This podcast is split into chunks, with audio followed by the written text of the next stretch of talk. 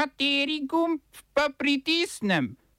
Tisti, na katerem piše OF.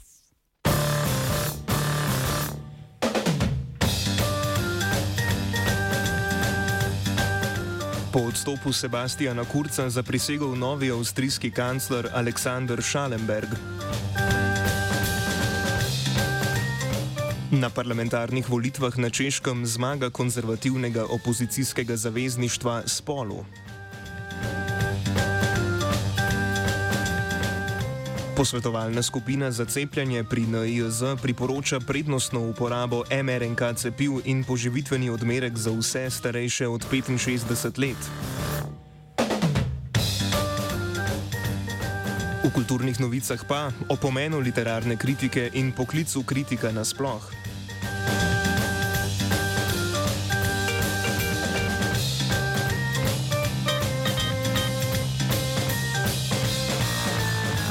Zaprisegel je novi avstrijski kancler Aleksandr Schallenberg, dosedajni zunani minister, potem ko je v soboto zvečer zaradi sredine preiskave v kanclerskem uradu na finančnem ministrstvu in sedežu ljudske stranke, krajše ÖVP, odstopil Sebastian Kurz.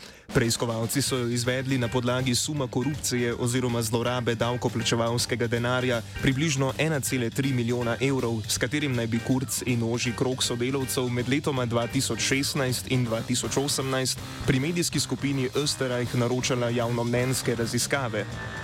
Te so Kurcevemu predhodniku na čelu ÖVP, Reinholdu Mitterlehnerju, namerile nizko podporo in tako sprožile menjavo na mestu predsednika stranke. Prav tako naj bi v zameno za ustrezno poročanje Kurcev krok s proračunskimi sredstvi zakupil del oglasnega prostora. Kurc, ki vse očitke zavrača, bo sicer še naprej vodil OVP, ponovem pa tudi poslansko skupino za Šalenbergom, ki ga je predsedniku Aleksandru van der Belnu sam predlagal za svojega naslednika predsednika, pa naj bi še naprej vladal kot kancler v senci. Šalenberga bo na zunanjem ministrstvu nasledil Mihael Linhardt, zdajšnji avstrijski veleposlanik v Parizu.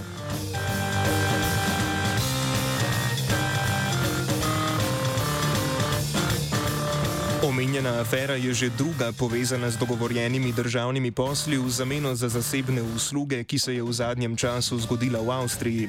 Leta 2019 je zaradi tako imenovane afere Ibica odstopil takratni podkancler in predsednik stranke Svobodnjakov Heinz Christian Strache. Več o ozadju kurcevega odstopa v offsajdu ob 17. uri.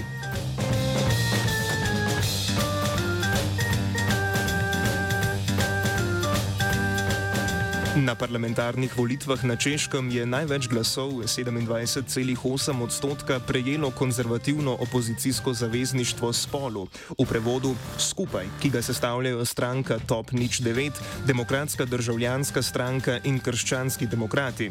Za vladajočo stranko Ano premijeja Andreja Babiša je glasovalo dobrih 27 odstotkov voljivcev. Na tretjem mestu je s 15,6 odstotka še eno opozicijsko zavezništvo, liberalni pirati kandidati in župani. V parlament se je uvrstila še euroskeptična, nacionalistična in islamofobna svoboda in neposredna demokracija Tomija Okamure. Prvič v 30 letih in prvič po letu 1948 pa v poslanskih klopeh ne bo ne socialdemokratov, ne komunistov.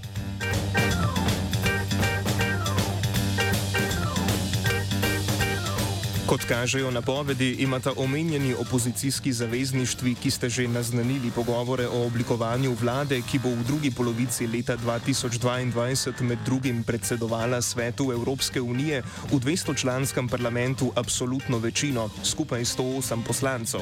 Mandat za sestavo vlade podeljuje predsednik Miloš Zeman, ki je včeraj popovdne najprej v predsedniško palačo na pogovor povabil svojega političnega zaveznika Babiša, na to pa so ga zaradi nenadnega poslabšanja že dalj časa pešajočega zdravstvenega stanja odpeljali v vojaško bolnišnico v Pragi, kjer ga zdravijo na intenzivni negi. Zdravniki Zemanove diagnoze ne razkrivajo, je pa njegovo zdravstveno stanje stabilno.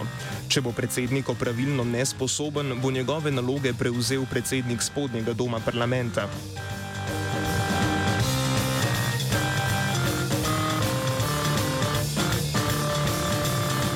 Varšavi, Gdansku, Poznanu, Krakovu in nekaterih drugih polskih mestih se je več tisoč ljudi udeležilo protestov proti nedavni odločitvi ustavnega sodišča. Ta je minuli četrtek razsodilo, da so nekateri člani, členi evropskega prava v neskladju s polskim pravom in kot taki neustavni. S tem so pod vprašaj postavili načelo primarnosti prava Evropske unije, ki temelji na tem, da v primeru navskrižja med vidikom nacionalnega prava in vidikom prava EU prevlada slednje. V skladu z razsodbo sodišča bi evropske institucije z umešavanjem v delovanje polskih sodišč prekoračile svoje pristojnosti. Odnosi med Evropsko komisijo in polsko vlado so se zato ponovno zaustrili, je pa premije Mateusz Moravjecki zanikal, da država razmišlja o izstopu iz Unije, proti čemur so pozivali protestniki.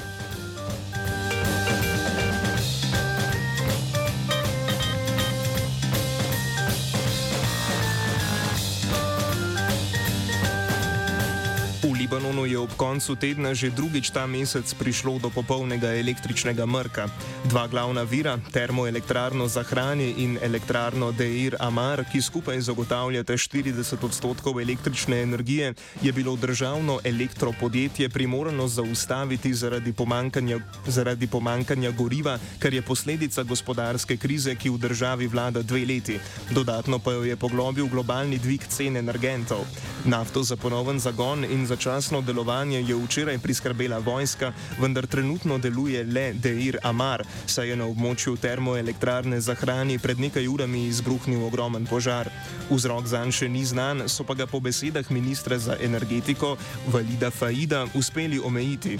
V Libanonu je sicer običajno, da imajo prebivalci električno energijo približno dve uri na dan, zato mnogi uporabljajo zasebne generatorje. Ti zaradi drage nafte in njenega pomankanja sicer pomenijo velik velik strošek, zaradi česar se v državi vrstijo protesti. Oba, če, če bom odgovoril na angliški. Slovenija bo poskušala pomagati. Slovenija bo naredila naš utmost, da bo rekla, da je situacija naš problem, naš sebe. In bomo naredili nadaljnje korake, as soon as the conditions are. Bomo vlado Marjana Cererera Šarca podprli. Very, very serious. From Slovenija. We know how and we will.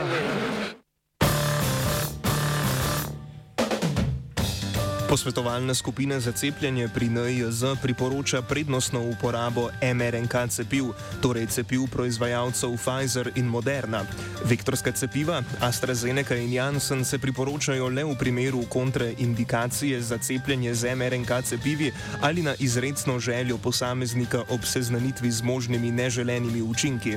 Mlajšim od 30 let se priporoča cepivo Pfizer. Razlog za to so novi podatki o tveganju za pojav, za pojav miokarditisa miokarditisa, unetne bolezni srčne mišice ali unetja osrčnika pri cepljenju s cepivom moderne.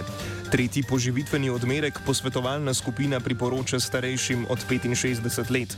Doslej je priporočilo veljalo za stanovalce domov za ostarele in posebej renljive bolnike.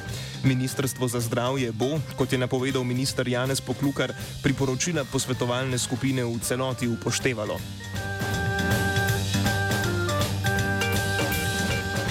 OF je pripravil Fabian.